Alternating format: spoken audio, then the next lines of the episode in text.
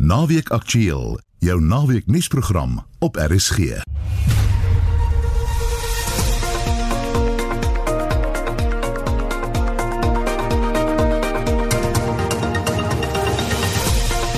Goeiemôre. In die program vandag Saterdag 16 Mei. Die Sakeliga loods 'n regsaksie teen permitte. Nog permitte en nogmals permitte. Die Hooggeregshof in Pretoria gee 'n deurslaggewende uitspraak oor die veiligheidsmagte se gedrag tydens COVID-19 patrollies. We have to come to court to ensure that rights are protected. But for the cause of family and the general public, they can now be safe in the fact that their rights are protected. The, the SANDF and, and the police and JMPD cannot go around and kicking and punching or skop skiet en donder. En die Suid-Afrikaanse rolprentbedryf raak al hoe meer elektronies. Baie welkom by die program. Vandag se redakteur is Hendrik Martin, produksieregisseur Frikkie Wallis en ek is Marieta Kreer.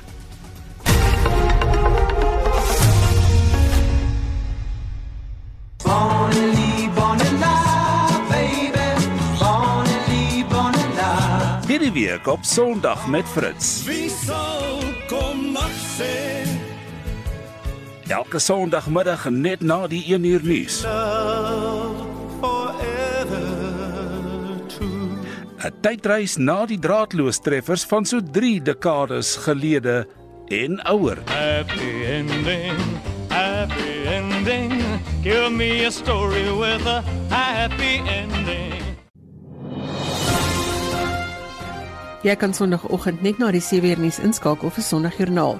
Sondag 17 Mei hoor ons van professor Jan van der Walt oor Bybelkennis. Kapelaan Trevor Links vertel van die kapelaansdiens en Neelan Scott vertel van haar gemeenskap. Dr Pieter van Jaarsveld wissel ook 'n paar gedagtes oor dankbaarheid.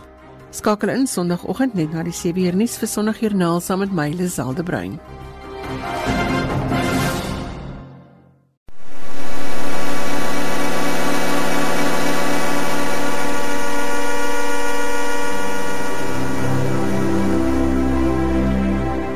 Van die onderwerpe wat ons Sondag aan in sterre en planete bespreek, is die onbeheerde terugval na die aarde van 'n Chinese vuurpyl, die Long March vuurpyl. En dan praat ons ook oor die geluide wat die Bepi Colombo satelliet maak toe dit verby die aarde gewentel het. Sterre en planete, Sondag om 08:30. Maak seker jy is Saterdag aand ingeskakel hier op RSG vir u eie keuse. Een van Rossini se gewilde ouverture skop sake vir ons af. Daar is ook 'n Dvorak aria en Benjamin Ogilvy sing 'n Sullivan komposisie. Verder is daar fliekmusiek uit Gladiator. Paul McCartney sing saam met Amphibiers en Andrea Bocelli sorg vir 'n verruklike einde saam met die Mormoonse Tabernakelkoor. U eie keuse Saterdag aand 16 Mei om 8uur saam met jou gasheer Willem Pelser.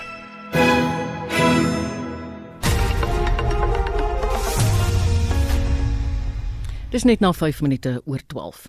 Die maatskappy Clear Strategy Company het die Suid-Afrikaner se interpretasie en hantering van COVID-19 begin monitor die dag na president Cyril Ramaphosa se aankondiging van die inperkingstyd op die 15de Maart. Die deurlopende peiling ontbloot net al hoe meer interessante gegevens. En vir meer hieroor praat ons nou met een van die maatskappy se projekbestuurders, Johannes Loos. Goeiemôre Johannes. Middag Marieta. Hoeveel mense het nou al aan hierdie peiling van julle deelgeneem? Ons om by 28.500. Ons is vinnig op pad na die 30.000 toe. Een ding, dis 'n hele handvol. Dit is interessant dat die peiling gevind het dat ouer mense minder angs het. Hoe so? Ehm um, Marieta, weet jy, ons het van die begin af opgetel. Uh die die saak kyk ons met die statistiek na ouderdomsgroepe. En vinnig opgetel, maar dit dit lyk anders by die ouer mense. Ons het op 'n stadium op monitor bietjie gepraat oor die jonger mense en hoekom die angs is, maar ek self kon nie my lekker greep kry oor wat is dit by die ou mense nie. Tot ek nou bietjie begin en weer lees het en sien maar hierdie is 'n tendens wêreldwyd. Met die statistieke en die navorsing wat byvoorbeeld in in Brittanje en Amerika gedoen is, kry hulle dieselfde benadering van die die ou mense se angs en stres rondom hierdie situasie is beduidend laag. En en dis wat ek nou begin dink het maar ons moet 'n gesprek hieroor aan die gang kry. Dat aanvanklik dink 'n mens hierdie groep is deel van die hoë risiko mense en hulle moet geweldig angstig wees. Totdat ons met die navorsing begin kry het en toe sien ons maar nee, hulle is nie as ek praat van laer is die angs soos wat ons dit meet beduidend laag, soos in baie laag. Ek weet nou nie wat jy spesifiek bedoel by daai ouderdomsgroep nie, maar weet jy, ek moet jou sê ek dink hulle dalk al die Tweede Wêreldoorlog beleef, hulle het uniewording, republiekwording, nuwe Suid-Afrika beleef. So ek dink hulle het hulle het miskien 'n ander perspektief as ons. Ek kan nie sê ons jonger is nie, julle jonger is. Ehm, um, Rita, ja, nee, ons het ook net 'n gedagte hierdie mense is is mense wat toegang het tot die sosiale media. So mm. in in ander woorde wat wat Facebook en die die die tipe van um, platforms gebruik. Maar die LSM is hoog, ja. Ehm um, waarskynlik ja. ja. Maar as as as ons nou begin regtig dink en ek dink jy sit die ding mooi aan die gang. Die mense kom al op pad en ja. en ek praat hier van 65 en ouer. Ja. Ek ek praat nou die dag met 'n uh, een van ons kliënte en en Amanda sê sy in die Ooskaap, haar ma is 80 en en is amper op 'n ligter trant. Sy sê vir my ma, sy sê kan nie verstaan nie. Ek het julle geleer om hande te was, nie higienies te wees en te glo. Mhm. Waar kom die probleem en al dit in? ja, dit is oulik want dit is dit is ervaring wat daar praat nou. 'n Ander ding wat ja, nee. maar dit die dames sit in 'n township. So dit sluit aan dat jy gesê het baie van ons mense is deur baie goed die afgelope tyd. Ja. Ek wil jou vra, wat het julle gevind? Wat is die uitwerking van inperking op kinders? Wat ons wel gedoen het is om Eh, kom ons sê net die studie het begin vir een van ons eerste kliënte van ons gesê het en hulle is een van die groot hotelgroepe in die land voor ehm um, uh, gereeldheid en inperking maar ons gaan ons program met julle vir 'n bietjie moet terugsit. So ons het toe begin kyk na ons adviseer mense rondom kliëntediens, ons adviseer hulle rondom prosesse goed in plek te kry sodat hulle hulle besigheid kan verstaan. En, en ons kry kom kom te af op die gedagte maar ons wil graag die Suid-Afrikaanse mark verstaan in hierdie tyd want dit is vir ons almal vreemd. So van tyd tot tyd dan ons het 'n standaard vraelys wat die mense invul maar van tyd tot tyd bring ons verskillende temas by. Mm. Onder andere op die stadium oor die werknemer-werkgewer verhouding sodat ons ons kliënte kan sê maar kommunikeer dit met jou mense dis wat ons uh, uit die studie kry. So het ons bietjie oor ehm um, die tabak storie en in die laaste tyd het ons baie gevoeg ehm um, rondom die kinders, maar ons kry die ouers se perspektief. En dit was nou nogal interessant dat weer eens baie van hierdie mense het toegang tot die internet. Maar almal van hulle of 90% het aangedui hulle is bitter bekommerd oor die gesondheids- of geestesgesondheidstoestand van hulle kinders. Maar wat my daarby kommerwekkend is, ons vra die vraag, is jy bewus van enige hulp vir die kinders? En daar het 75% van ons gesê nee. Hm. En, en dit is my eintlik bietjie kommerwekkend, veral as jy vat die groep is wat wat ons hiervan praat. Ja. Wat is die impak dan op die res van die land of die hele land? Ja. En, is dit nie dalk iets waarop ons moet fokus nie? Ja. Ja, ek hoor jou. Ek dink dit is baie slim dat julle maatskappy dit aangepak het want dit gee mense baie insig in emosionele en psigiese kwessies. Nou ander kwessies wat interessant is, is hoe mense hulle self tydens die inperking besig hou. Ja, dit is altyd vir ons ons het op op twee maniere dit begin doen. Maar die belangrikste een is ehm um, as jy nou vir die mense begin vra, jy het nou hierdie angs Ehm um, wat is dit wat vir jou help dat ehm um, die, die angs minder is? En ek het ook daarvan kyk na wat hoe die ouer mense reageer. En en op die ou end is dit hulle hulle doen dinge soos ehm um, wat uh, ek sê net gou ja, wat al jou rondom die huis besig gaan gee hulle vir aanduiding van die die werk by die huis Ehm um, baie van hulle kyk televisie en series en die goede. Slaap, hier is nou interessant dat ouer mense slaap 'n bietjie meer Hulle is bietjie meer aktief in die tuin en lyk my aan aan die oefeningkant doen die ou mense ook beter. En 'n interessante een wat uitgekom is, minder van hulle dui aan dat hulle eet baie, ek praat met die ouer mense, hulle eet baie om om die stres te hanteer. Hm. Jy het net nou vlugtig verwys dat jy onder meer ook navraag gedoen het oor die tabakkwessie en ek aanvaar seker ook oor die drankkwessie. Wat was julle bevindinge daar? Ja, dis interessant. Baie van die goed wat ons kry, gegee ook die die groep mense wat ons kry resoneer nogal met die ander navorsing wat wat ons sien nou na vore kom van die van die RGN stats is in sekere randgroepe.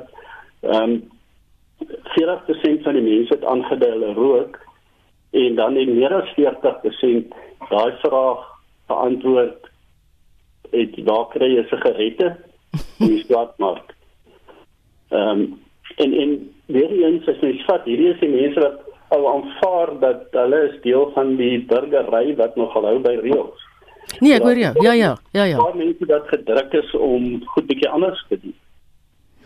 Ja, jy gaan agterkom hulle is waarskynlik absolute loyale burgers. Hulle betaal hulle inkomstebelasting.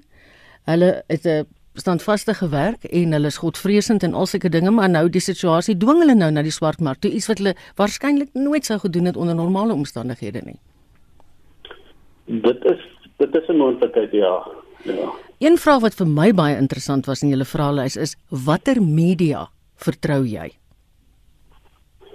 Ja, ehm um, wat wat ons gedoen het is om te kyk na die die media van die ehm um, sosiale netwerke, radio's, koerante en ehm um, en op die ou end kom dit uit dat weer eens is 'n klein verskil tussen die ouer mense en die res, waar die ouer mense bietjie meer staat maak op die radio ehm um, jy wat meer eintlik as die ander en en televisie dis vir hulle die groot bron van inkomste. Ag ja, vir inligting, ja. Van inligting. Maar die gewone mense kry baie van hulle inligting of as ek sê die gewone die die res van die groep. Ja. En ehm um, sosiale media en dan elektroniese nuus. Uh, enige verwysing na koerante as sodanig?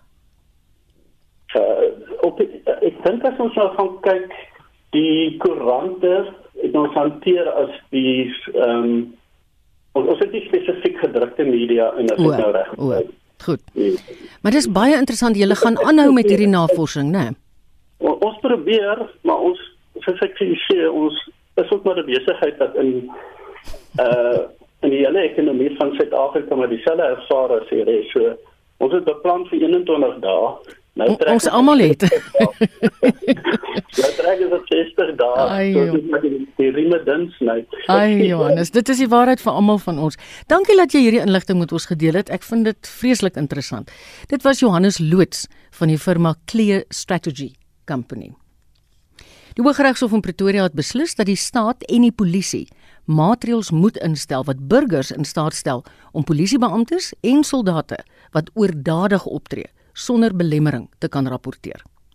Regter Hans Fabricius het ten gunste van die gesin van die 40-jarige Colin Kosa uitspraak gelewer. Wetstoepassers word daarvan beskuldig dat hulle Kosa verlede maand by sy huis in Alexandra, net noord van Johannesburg, aangerand en doodgemaak het terwyl hulle COVID-19 afsonderingsregulasies toegepas het. Regter Hans Fabricius het ten gunste van die gesin van die 40-jarige Colin Kosa uitspraak gelewer.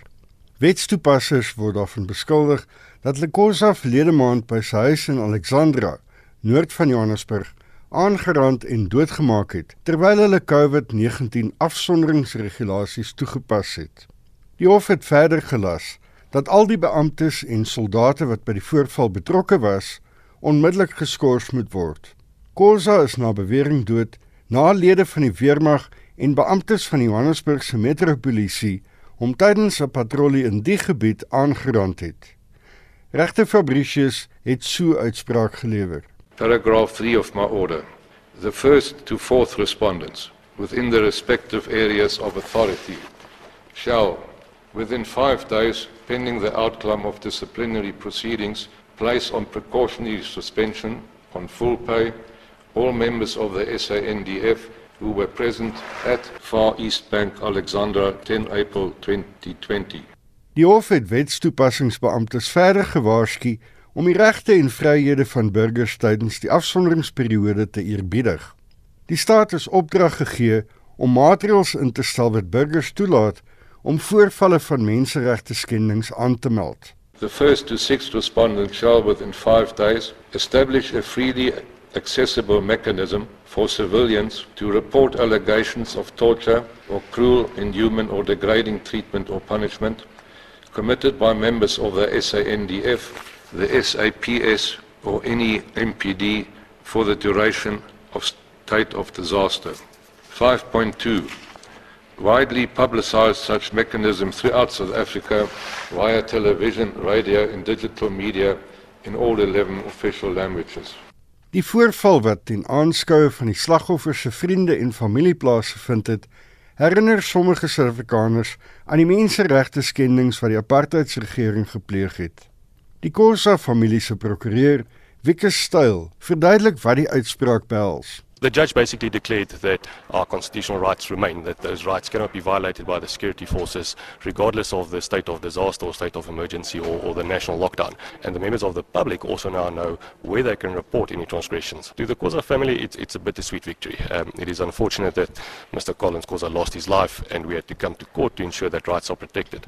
But for the Khoza family and the general public, they can now be safe in the fact that their rights are protected. The, the SANDF and, and the police and JMPD cannot go around and kicking and punching or skop skiet en donder. Die uitspraak maak dit ook moontlik vir die vervolging van diegene wat by Khoza se dood geïmpliseer word. Agt mense het na bewering tot dusver hulle lewens weens die optredes van wetstoepassingsbeamptes verloor. Die polisie en militêre ombudsman ondersoek die saake. Hierdie bydra van Fanwell Shuma in Pretoria en ek is Hendrik Martin vir SAK nuus. En ons gesels verder nou oor hierdie saak met 'n strafregkenner en prokureur Ulrich Roo van Ulrich Roo en Vennote. Hallo Ulrich. Goeiemôre. Nou het ek 3 keer jou naam in een sin gesê, dis erg, né? ja, dit maak credit baie. Wat is die implikasies van die uitspraak vir die weermag, die polisie en die metropolisie? Wel, 'n uh, uh, ongelooflike uitspraak deur regter Fabricius. Ehm, um, jy weet hy's 'n 'n baie bekwame regter en uh, en hy het al in baie sake van ons ook voorgesit en en sy uitsprake is altyd tot die punt en en absoluut akkuraat in my opinie. Ehm um, en dit is dit is as mens jy weet dit is 79 bladsye lank die uitspraak, maar as mens uh, soos mense in Engels kan sê if you have to cut to the bone of it. Ehm um, is dit daar om seker te maak dat die grondwet se regulasies toegepas word en dat die uh, Suid-Afrikaanse polisie en die Suid-Afrikaanse weermag nie die wet in hulle eie hande inneem nie. En die belangrikste van die uitspraak is dat hy alle mense wat binne die grense van Suid-Afrika is. So met ander woorde, jy hoef nie 'n Suid-Afrikaanse burger te wees. Die die grondwet is van toepassing wat almal op almal wat in Suid-Afrika is. En almal het 'n reg tot menswaardigheid Ons het almal 'n reg tot die lewe. Ons het almal reg om nie gemartel te word nie.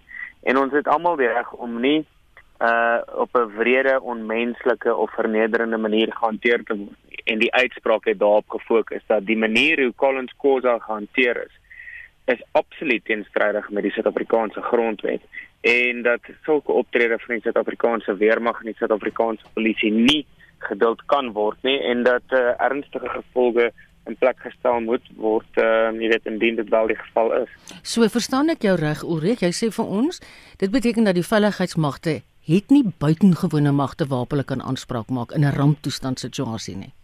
Glad nie. Glad nie, hoe genaamd nie. En wie ook al hulle daardie idee gegee het, is absoluut uh, van hulle sinne beroof. Jy weet jy het hier geval van en en ek dink nie almal is bewus van die feite van die Khoza saak nie. Hy het hy en sy vriend uh, meneer uh, Mwango was besig om 'n bier te drink binne sy eie huis. Ja, hy was hy in die huis of in die erf? Hy was in sy eie huis gewees. Yes. Uh, hulle het 'n halwe uh, koppie bier in die erf gekry waar hulle vroeër gesit het. En die polisie en die weermag het binne sy huis ingekom en hulle het daai twee mans so uh, gemartel en en so aangerand dat meneer Khoza 3 ure na die aanranding is hy dood verklaar binne in sy huis. Jy weet uh, en en vir die polisie en die weermag om hulle magte so te oorskry is is 'n baie gevaarlike situasie vir Suid-Afrika en dit kan net hoegenaamd nie toegelaat word nie. Dit is wat wat regter Fabrice gesê het. Hy het ook een stap verder geneem en en bevestig dat indien daar weer so geval aangemeld word en die polisielede of die lede van die weermag word skuldig bevind, dan kan hulle in hulle persoonlike hoedanigheid strafregtelik sowel as sivielregtelik aangespreek word. So met ander woorde, daardie polisie en weermaglede wat betrokke was, kan persoonlike skadevergoeding moet betaal vir die familie van Khoza. Waarvoorheen sou dit net die minister gewees het wat dit sou moes betaal het en sy departement, maar hulle kan nou persoonlik aanspreeklik gehou word. En ek bedoel hierdie is dit is 'n persoon wat wat sy lewe verloor het. En as mens, jy weet die die die bewyse wat tot op hede bekom is en wat tot ons beskikking is, uh wys dat daar was absoluut geen rede vir dit om te gebeur het nie. Die weermag en die polisie het glad nie in selfverdediging opgetree nie. Hulle het net absoluut uh buite hulle magte opgetree en 'n persoon onnodiglik aangeraan tot so 'n mate dat daardie persoon sy lewe verloor het. En daar was geen provokasie nie soos ek dit verstaan. Nee, hoe genoem nie. Jy weet jy kan jy kan nou maar dink natuurlik, jy weet enige mens as hulle as hulle so aangeraan word gaan probeer om hulle self te beskerm tot 'n mate, maar daar is geen bewyse dat meneer Khoza of meneer Mwango of enigiemand wat teenwoordig was hm. daar uh enigsins gewapen was nie dat hulle enigsins die uh die polisie of die weermaglede eerste aangeval het nie. Hulle het bloot gesit en 'n bier gedrink in hulle erf en en hy het sy lewe verloor as gevolg daarvan. Ja. Dis nou snaaks want ek wou vir jou gevra het, 'n mens kry so half ons die as joernaliste kry so half die gedagte dat die polisie en die weermag se optrede teen veral drankgebruikers ja. nogal erg is. En jy weet, huise word binne gegaan sonder 'n lasbrief. Mense word ja. in hulle erwe gearresteer. Dis mos jou eiendom daai. En hulle het nie daai mag nie. Nee, presies. En en dit was altyd 'n uh, jy weet dit was 'n vrees van baie mense, uh jy weet as my uh, baie mense wat ek mee gepraat het toe die inperking aangekondig was en dit is dat jy nou, jy weet, 'n sogenaamde polisie staat gaan hê waar die polisie en die weermag uh alles gaan reguleer. Ehm um, en dat hulle ons menseregte in terme van die grondwet uh glad nie gaan gehoorsaam nie. En dit is ongelukkig wat die geval was hier. En mm. en jy is heeltemal reg as jy dit sê. Jy weet uh, die polisie en die weermag fokus op op mense wat wat alkohol gebruik of mense wat sigarette probeer koop of daai tipe goed. Maar daar is soveel erger probleme wat ons op moet fokus ja, uh, in hierdie land. ja die virus. Um, en en en dit moet die fokuspunt wees. Nie die feit dat jy iemand wat in sy eie tuin ja. of in sy eie huis 'n glas bier drink uh, gaan gaan aanrand totdat hy dood is nie. Alweeg het die polisie, die weermag en die metropolisie dieselfde bevoegdhede.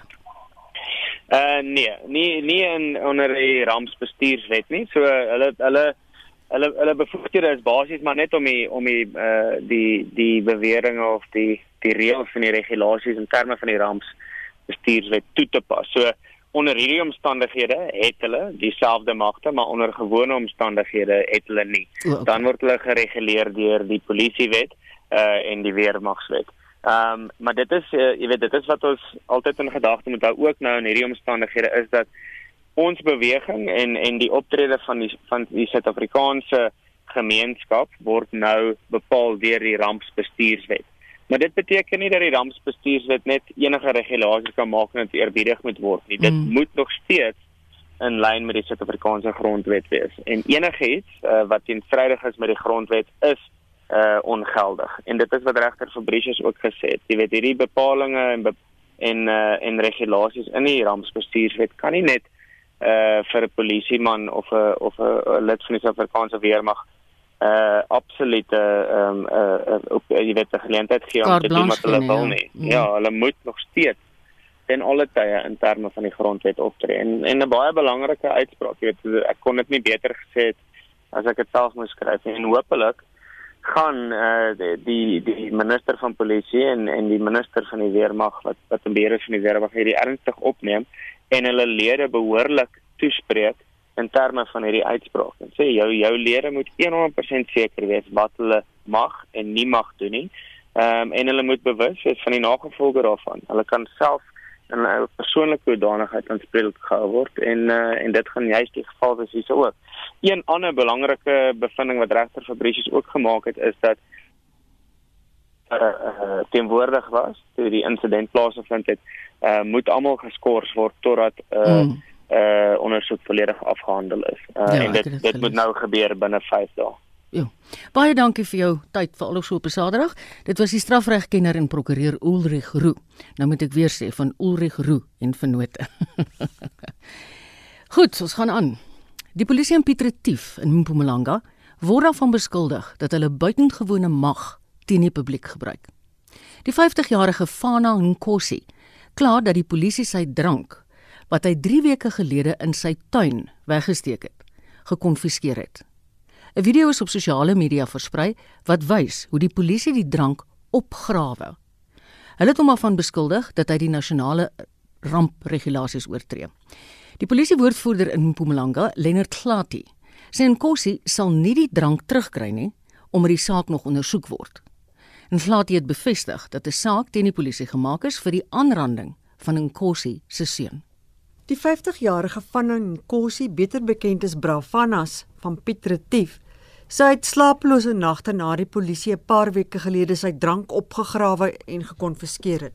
Hy sê hulle het hom daarvan beskuldig dat hy drank verkoop terwyl die land ingeperk is om COVID-19 hok te slaan. Nkosi voer aan dat die polisie nie genoeg getuienis het dat hy drank verkoop het nie. Hy sê hy het dit in die tuin weggesteek omdat sy bier begin wegraak het. The police asked me why is the liquor hidden in the garden. Then I told them that I was hiding it from my children because they are also drinking alcohol. This was because at some point I noticed that some beers were missing. Then I thought, let me hide it in the garden like we used to in the olden days. Nkosi sê die polisie behoort sy drank terug te gee want geen saak is teen hom gemaak nie. Die polisie woordvoerder in Mpumalanga, Lennard Klati sê Nkosi sal nie sy drank terugkry nie omdat die saak nog ondersoek word. Klati het bevestig dat 'n saak teen die polisie gemaak is vir die aanranding van Nkosi se seun. Firstly, there is a case that we have opened against the old man. The case did not sit at court because now we were directed to go and take further statements. This is what we are busy doing currently. And regarding the case which has been opened against one of our own, that case is receiving the necessary attention. We have informed the uh, relevant authority, the IPIT. We are still awaiting for them to come so that they can take the docket. However, we are not folding our arms. We continue with our investigation on this matter. Die verkoop van alkohol word verbied op vlak 4 van die Grendel tydperk. Ntobisi Kalipi het hierdie verslag in Mbombela saamgestel. Mitsi van der Merwe SAK nuus. Die sakegroep Sake Liga het regsaksie teen die afsonderingsregulasies geloods. Die groep sê hulle wil besighede en organisasies sonder winsoogmerk se reg om handel te dryf beskerm. Ons praat nou met die uitvoerende hoof van Sake Liga, Piet Leroux. Goeiemôre Piet. Goeiemôre Marita. Waaroor gaan hierdie regsaksie? Die regsaksie gaan daaroor om aan besighede, uh, hulle werknemers en aan organisasies sonder winsoogmerk uh beskerming te bied teen onregmatige vervolging en om hulle moontlik te maak om uh besigheid te doen sonder om eers vooraf 'n lisensie of 'n permit by die regering of enige staatsamptenaar te moet kry. Die mense is in staat om te bepaal wat hulle kan doen en dit is nie die reg van die polisie om sommer daarop die datum dan te besluit wat mense mag doen en nie. Hoekom is hierdie permitte en die ander vereistes van die regering so 'n probleem? Uh, in die eerste plek is dit onmoontlik om na te kom. Die uh, eerste permitstelsel was die sogenaamde CIPC sertifikate, reg aan die begin. Maar die driekwart van besighede in Suid-Afrika is nie geregistreer by die CIPC die kommissie vir uh, intellektuele eiendom en goedere en uh, maatskappye registrasies nie. En uh, met ander woorde, dit is onmoontlik om 'n uh, sertifikaat te kry. Nogtans was die polisie onder instruksie, is die polisie onder instruksie om uh, hierdie sertifikate te vra. En uh, ek het in ons hofaksie wat ons uh, gister op die partye beteken het, uh, sluit ons beëdigde verklaringe in van mense wat gearresteer is en selfs al het hulle ook 'n CIP sertifikaat gehad of al het hulle nie ingehad nie. So die CIPC sertifikaat is 'n voorbeeld, maar eh uh, voor van dese week op die 12de Mei uh, die minister van klein sake verder gegaan en selfs eh uh, bepaal dat hardewarewinkels, bakkerye, eh uh, klein restaurante uh, en 'n reeks verskeie ander winkels en koöperatiewes en dis meer moet nou almal skielik by die munisipaliteit ook aansoek doen. Maar die munisipaliteite is toe. Hoop aarde moet mm, mens aansoek mm. doen. Ja, ek weet so. ja. Ehm um, Piet, hoe voel sake liga oor besighede wat wel vir winsoogmerk werk? Ek dink dit is wonderlik en ek hoop hulle maak uh, soveel as moontlik uh, wins want uh, wins is 'n belangrike teken daarvan dat jy waarde bied vir mense. So ek dink op die oomblik sien ons dat veel te veel besighede toe is. Ons sien dat die regulasies nie sin maak nie en dit is 'n ernstige probleem want regulasies wat nie sin maak nie, dis bevraagtekenbaar of dit enigstens regmatig is. As 'n mens en die persoon op straat nie intuïtief kan weet of 'n transaksie, ongeag of jy 'n verbruiker of 'n verskaffer is, uh, uh wettig is nie, dan is dit 'n vraag oor die regsgeldigheid van die hele orde. Ehm mm. um, en uh dis 'n eerlike kwessie van onregmatige wette. So ons leef in 'n baie moeilike tyd waar almal skielik kriminele word sonder dat hulle dit weet. Ja, ja, ek hoor jou.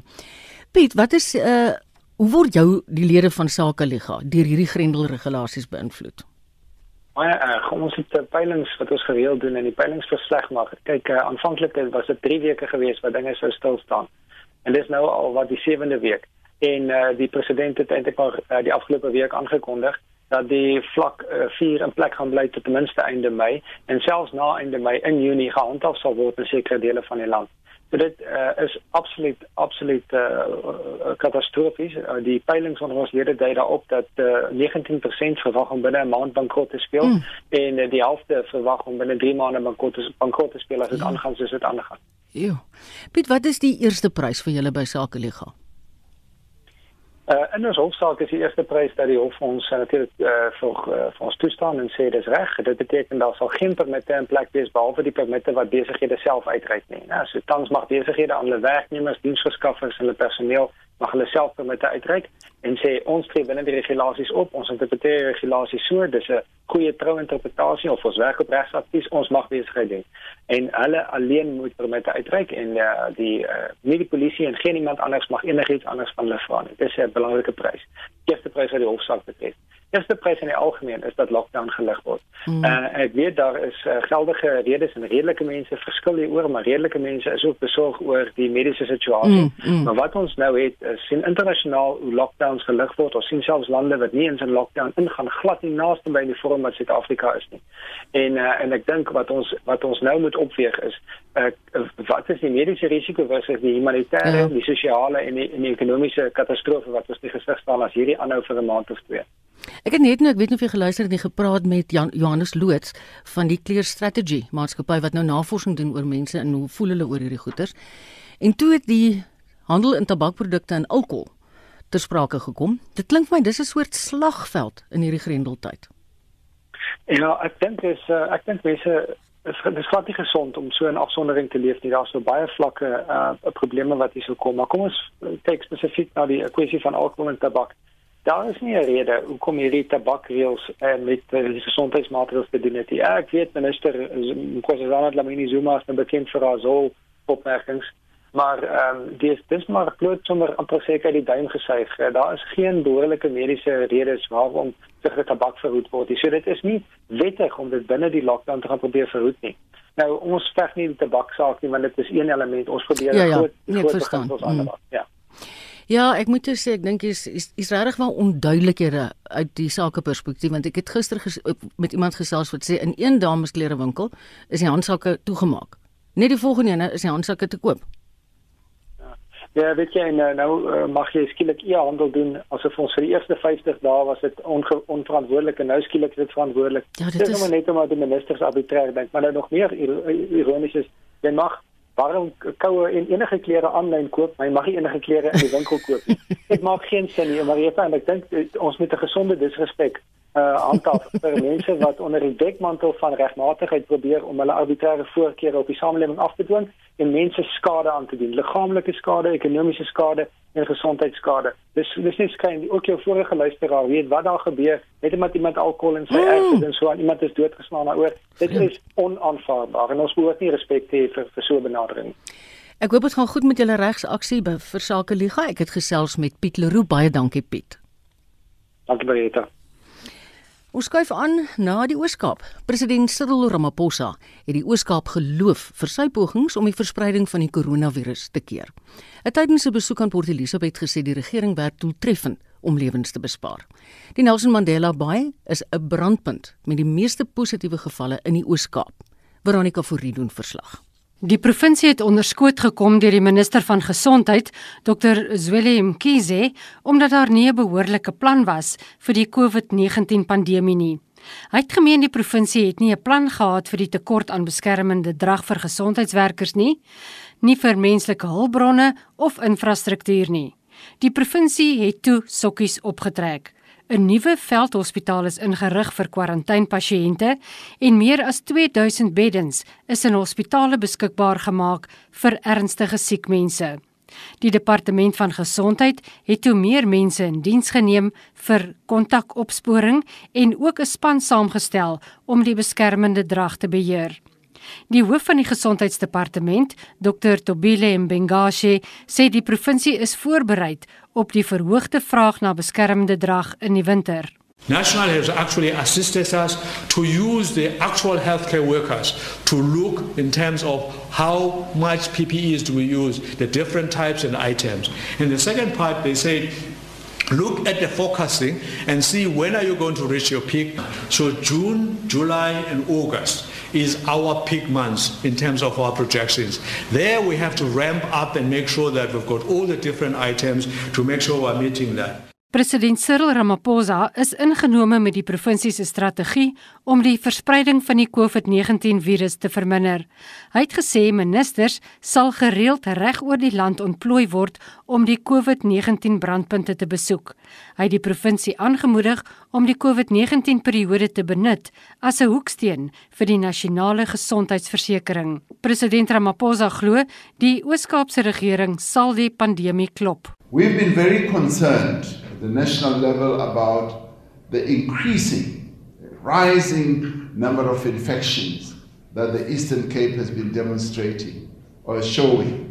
Now, I'm particularly happy to hear that, yes, you have awoken to the danger of this, and you're now going, you are now putting in place a clear health strategy that is going to address this challenge.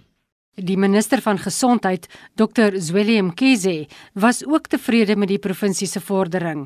Hy het egter gewaarsku teen 'n moontlike groot uitbraak in die wintermaande wat baie druk op die gesondheidstelsel sal plaas as die planne nie in plek bly nie. Both in the West and the Eastern Cape, the epidemic is getting into a bit of an outbreak that's gonna get out of control if we don't change our strategy.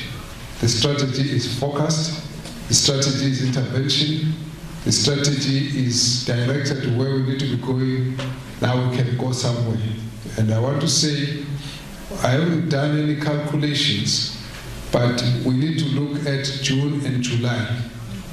We've either got to have an outbreak that is out of control or an inflection. President Ramaphosa het besoek afgelê by die isolasiesale van die Doranginza Hospitaal in Port Elizabeth en by die Nelson Mandela Bay Stadion waar geriewe ingerig is vir selfisolasie vir sowat 1000 mense. Hy het ook laastens 'n besoek gebring aan die Bantu Church of Christ in die stad.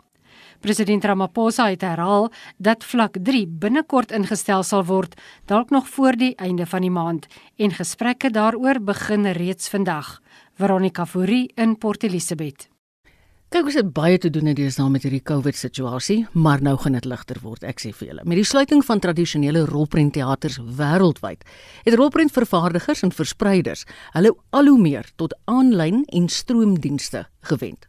Terwyl die tipe dienste uiters gewild is in die FSA en in Europese lande, blyk dit minder aanklank te vind in plekke so China en Indië. Nou wonder mense hoe lyk die situasie hier plaaslik in Suid-Afrika? Wel, Anne Marie Jansen van Vuren het gaan uitvind. Die rolprent Griekwa stad sou eintlik eers in Junie hierdie jaar by die plaaslike loket uitgereik word. Maar toe Suid-Afrikaanse teaters onverwags weens die inperking moes sluit, het die vervaardigers begin kopkrap oor wanneer die einste teaters weer sou kon oopmaak. Die fliek se verspreider, Helen Keen, van Indigenous Films moes toe met 'n nuwe plan vorendag kom. Mens moet vir elke film sy strategie uitwerk wat die beste is vir daardie film.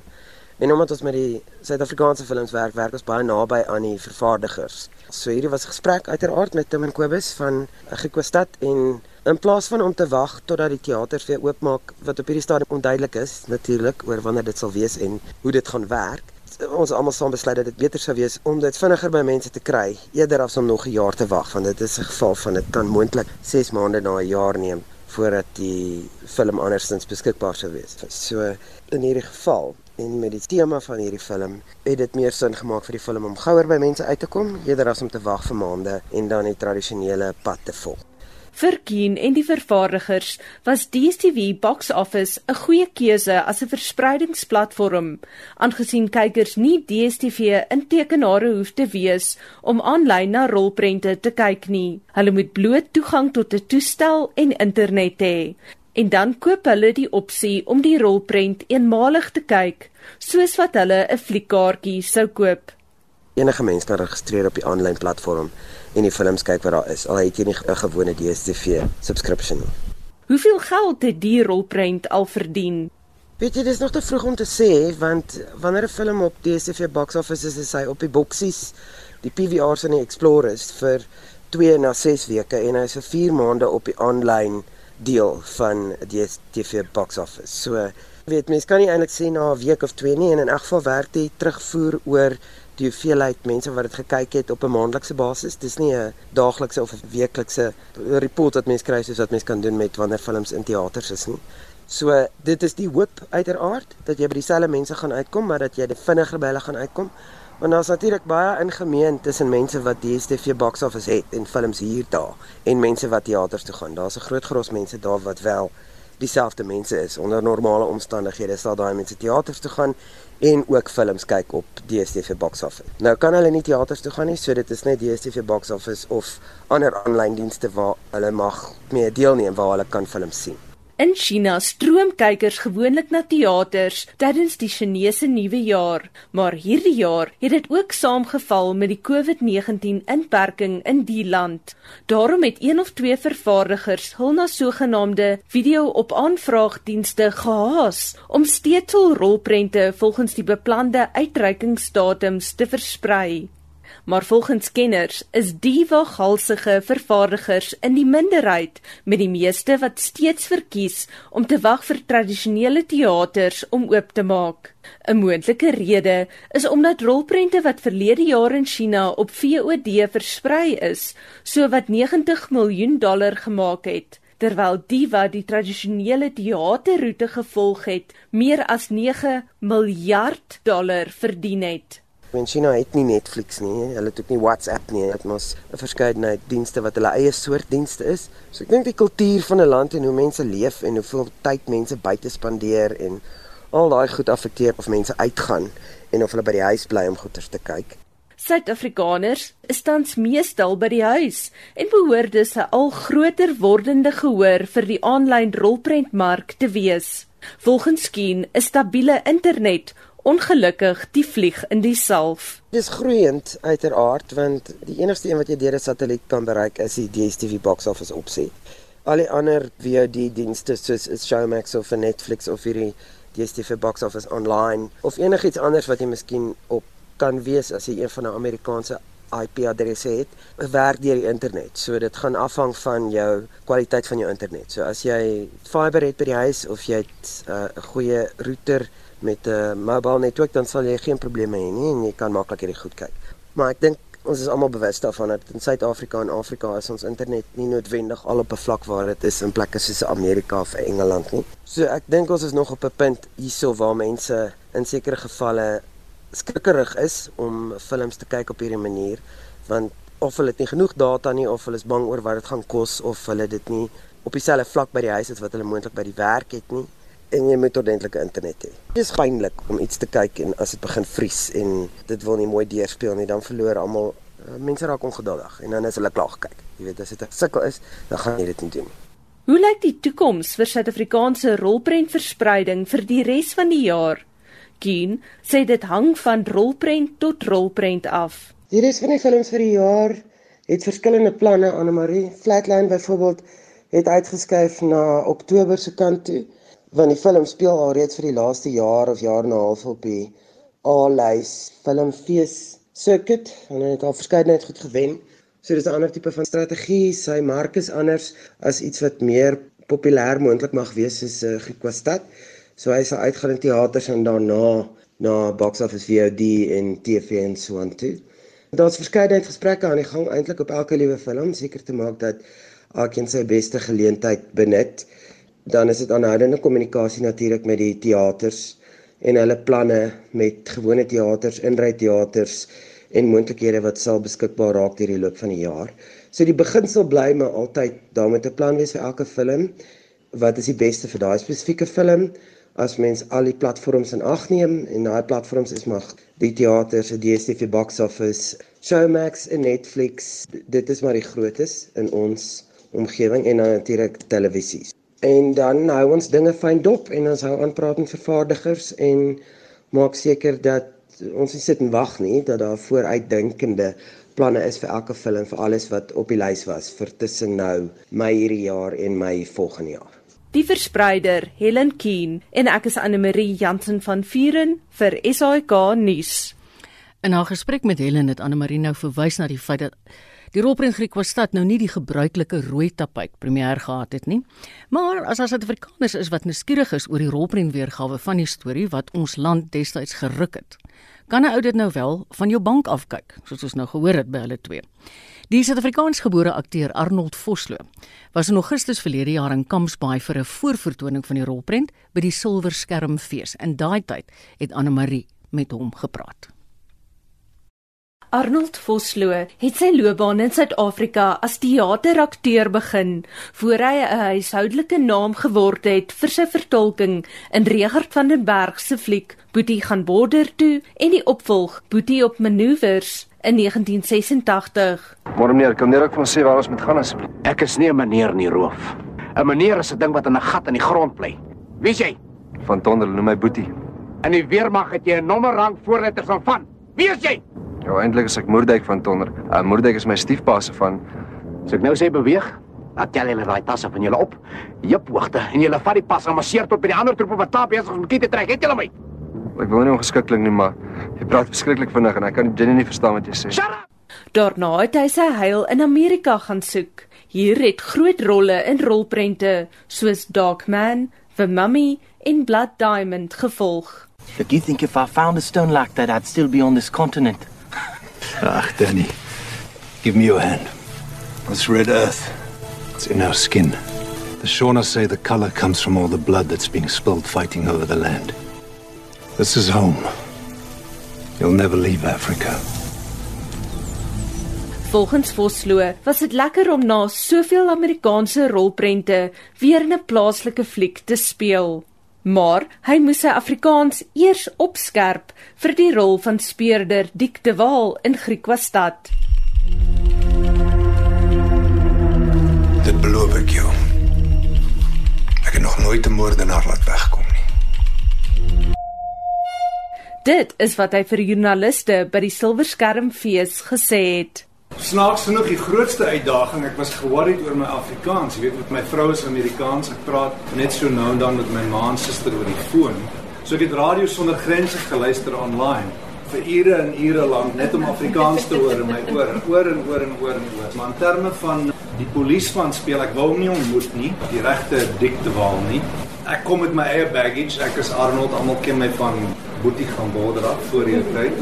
So dit was nie 'n physical ding wat ek kon nie myself wegsteek of 'n fat suit aantrek of iets nie. So ek wou net in die ou se kop inkom. En wat baie gehelp het was sy dagboeke en sy notas oor die saak. En hy was so meticulous geweest. Hy skryf byvoorbeeld ek paraphrase nou. Hy kom by die hek aan en dan om die hek oop te maak vat 17 sekondes by die plaas. En dan om van die hek te loop na die opstal toe is 29 sekondes. So dit het my baie gehelp om te weet die oue daai tipe brein. Maar die klein dorpie ding wat help het daarmee is die feit dat ons op Hopefield geskiet het. Julle moet almal Hopefield gaan kuier, is 'n baie nice klein dorpie. So in die middel van nêrens af, net baie tyd alleen kon spandeer en dit het alles gehelp om hierdie polisieman te word. Vosloo sê hy was destyds vaagweg bewus van die Griekwastad moorde omdat hy nog Suid-Afrikaanse koerante op die internet lees. Dog het hy nie heeltemal besef hoe die storie Suid-Afrikaners geruk het nie. Daarom was Tertius Kap se draaiboek so in die kol. Dis wat so nice was vir my van die draaiboek was die die polisieman ondersoek 'n 15-jarige seun en het self ook 'n 15 of 16 jarige seun en hulle verhouding tussen die pa en seun, Dick se eie seun, was so mooi geskryf. Dit is een van die hoogtepunte en warm dinge in die draaiboek wat so woes is, jy weet. En dis soort van iets wat ek aangegryp het, die verhouding tussen die pa en seun en die pa en sy vrou in hierdie woeste wêreld van hierdie familie wat mekaar uitwis. SAK nuus het Vosloo direk gevra wat sy mening oor die Griquastad saak is, veral na hy soveel tyd daarin bestee het om die rol na te vors. Jong, ek weet nie, ek praat baie keer van daai pink huis, jy weet, wat het in daai pink huis gebeur? Een van die dinge wat interessant is is ek dink hulle het 171 DNS, dis die meeste nog ooit. DNS monsters geneem in daai huis op die plaas. En daar was niemand anders se DNS in daai huis nie die pa, ma en die twee kinders. Dis weird, jy weet so wat wat het gebeur in daai pink huis.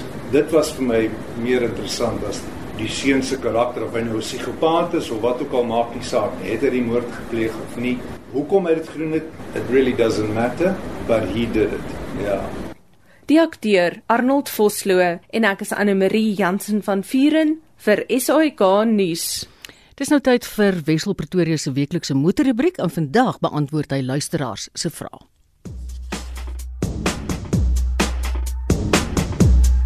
Ek het twee briewe ontvang oor batterye. En ek het albei gestuur na die ou wat altyd bereid is om te help wanneer ek om raad aanklop. Hy's Nicol Lou, die tegniese konsultant by Kaarttydskrif en die besigheidsontwikkelingsbestuurder by SVU Gepantserde Voertuie. Die eerste brief kom van Vanus Buys van Hartenbos. Hy skryf: "Vandat ek my 2008 Toyota Hilux dubbeltjie uit nuut gekoop het, loop die battery binne 2 of 3 dae af as ons nie ry nie. Ek het al die opsporingstoestel laat vervang omdat ek gedink het dit trek krag. Ek het 2 jaar gelede 'n moderne radio laat insit en gehoop dit sal die probleem oplos." Ek het al dat 'n auto-elektriesien toetse doen, maar niemand kan agterkom wat trek krag nie. Al is die voertuig af. Veral nou in die inperkingstyd moet ons dit permanent op 'n laaier hou, aldus Vanus. Kom ons hoor hoe antwoord Nikkel. Eerstens wissel dink ek as die batterye in 3 dae afloop, dan is daar definitief 'n fout eers. Dis nogals my interessant dat die auto-elektriesien dit nie kon kry nie.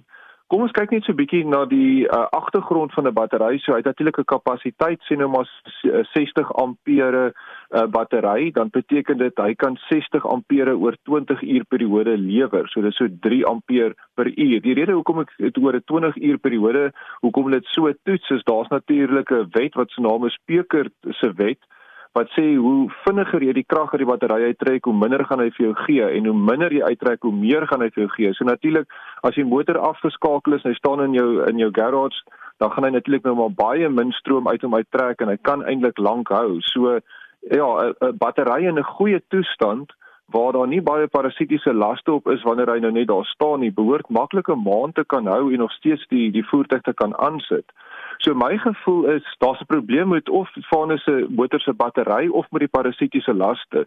So eerstens sou ek sê hy moet sy battery uh, vat vir 'n toets waar hulle 'n las op hom sit en kyk of al die selle alles nog reg is, die uh, volts nog reg lees en daai tipe van ding.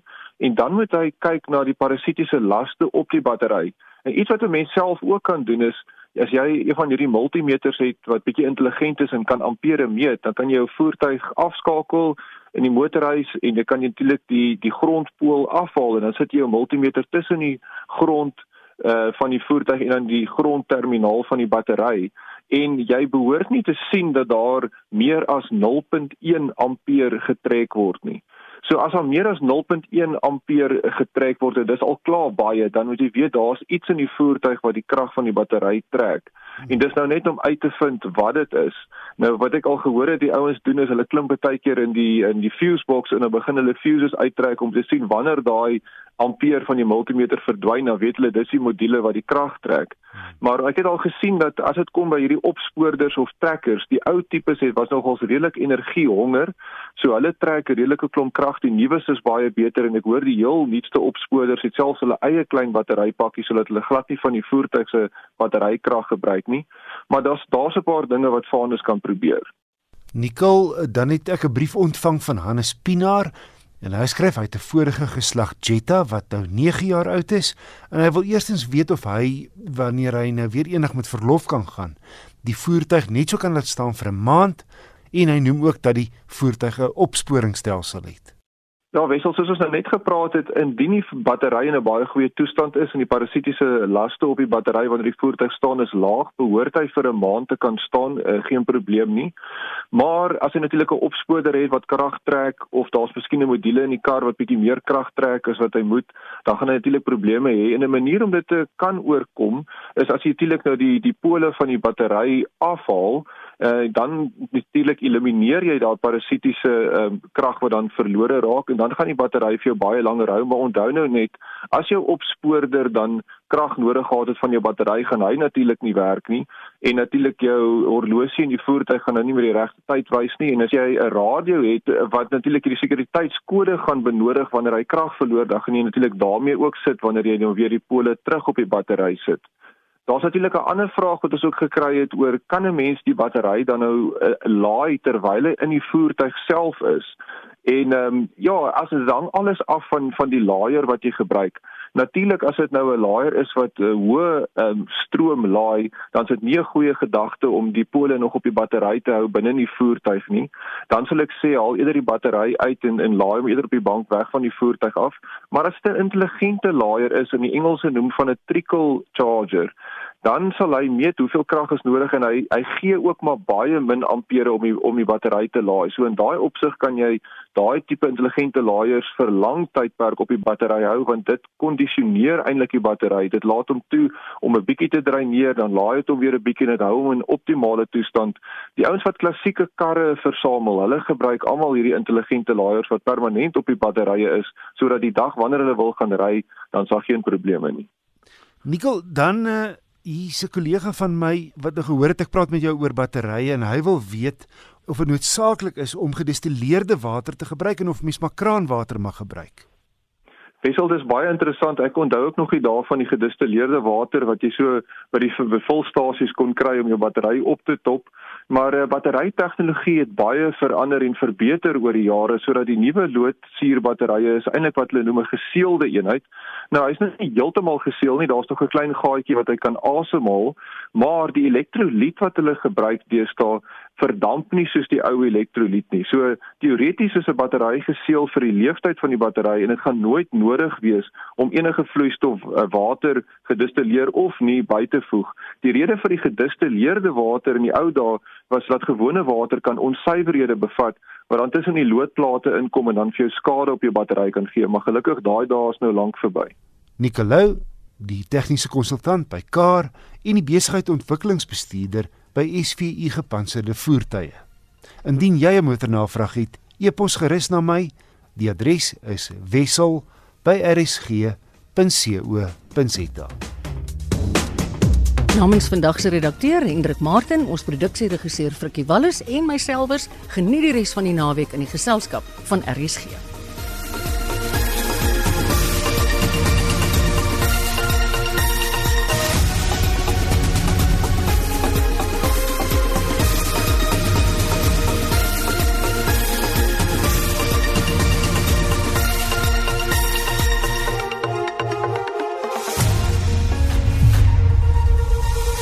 SAK nuus. Onafhanklik, onpartydig.